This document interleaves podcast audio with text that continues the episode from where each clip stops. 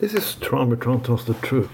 Why is conservatives so good at putting name on other people? People on the right are always good to put name on other people. I've been talking about this before, but not in the sense I'm going to talk about it now, because the left or the center or, well, everyone who's disagreeing with uh, the conservatives and the far right have been, been heard this name before, like political correct, yeah?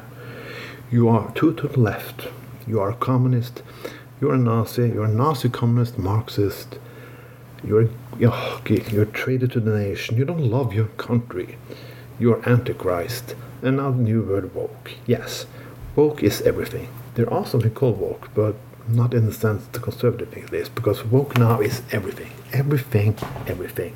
You find out polit- that Star Trek is political, that's woke. Even Star Trek was political in the 60s, but they don't mention that we were Star Trek long before it became woke. Yeah, sorry man, but the political essence in Star Trek have been clear from fucking day one. But not only that, what if we're gonna do the same? What if we're gonna call conservatives things like that? I have some names. What about Wall Street Common Dumpster? Yeah. If every time a conser- Wall Street executive want to jerk off something, you willing open your fucking ass or your mouth and take the fucking lower down. You swallow every fucking time. You don't even spit. You don't even hesitate. You take up the ass if Wall Street wants. What about Wall Street cum dumpster? Ah, you, it wouldn't be that nice of a word because cum dumpster over here have a different opinion name in the porn category for, yeah, you know what I mean. Why can't we use names like that? Why can't we use a name like that? Well, I will use another name too Wall Street Whore. Yeah, Wall Street Whore. As long as you do get your money, you do what the fuck they want. A whore is a good example for that. Not slut, because slut is a girl who really likes to have sex. A whore, somebody take dude for the money. I think, well, I respect people selling sex because I don't use the word whore them, I use a prostitute. But if you're willing to do anything just to get fucking money and power, that's a fucking whore.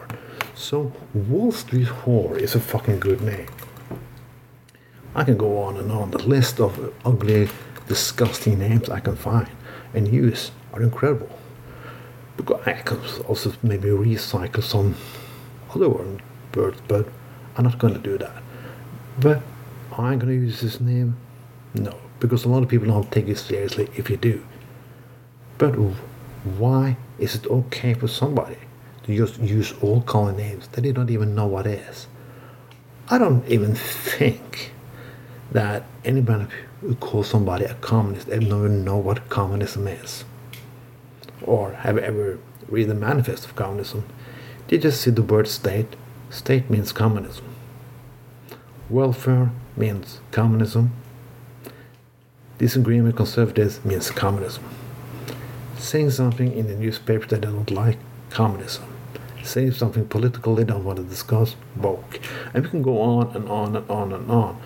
But somebody, but there are differences here. Somebody's destroying and making the debate uglier, and somebody is not. This time it's the right, and it's not always the right is right. They can go fuck themselves. This was Trump, Trump tells the truth.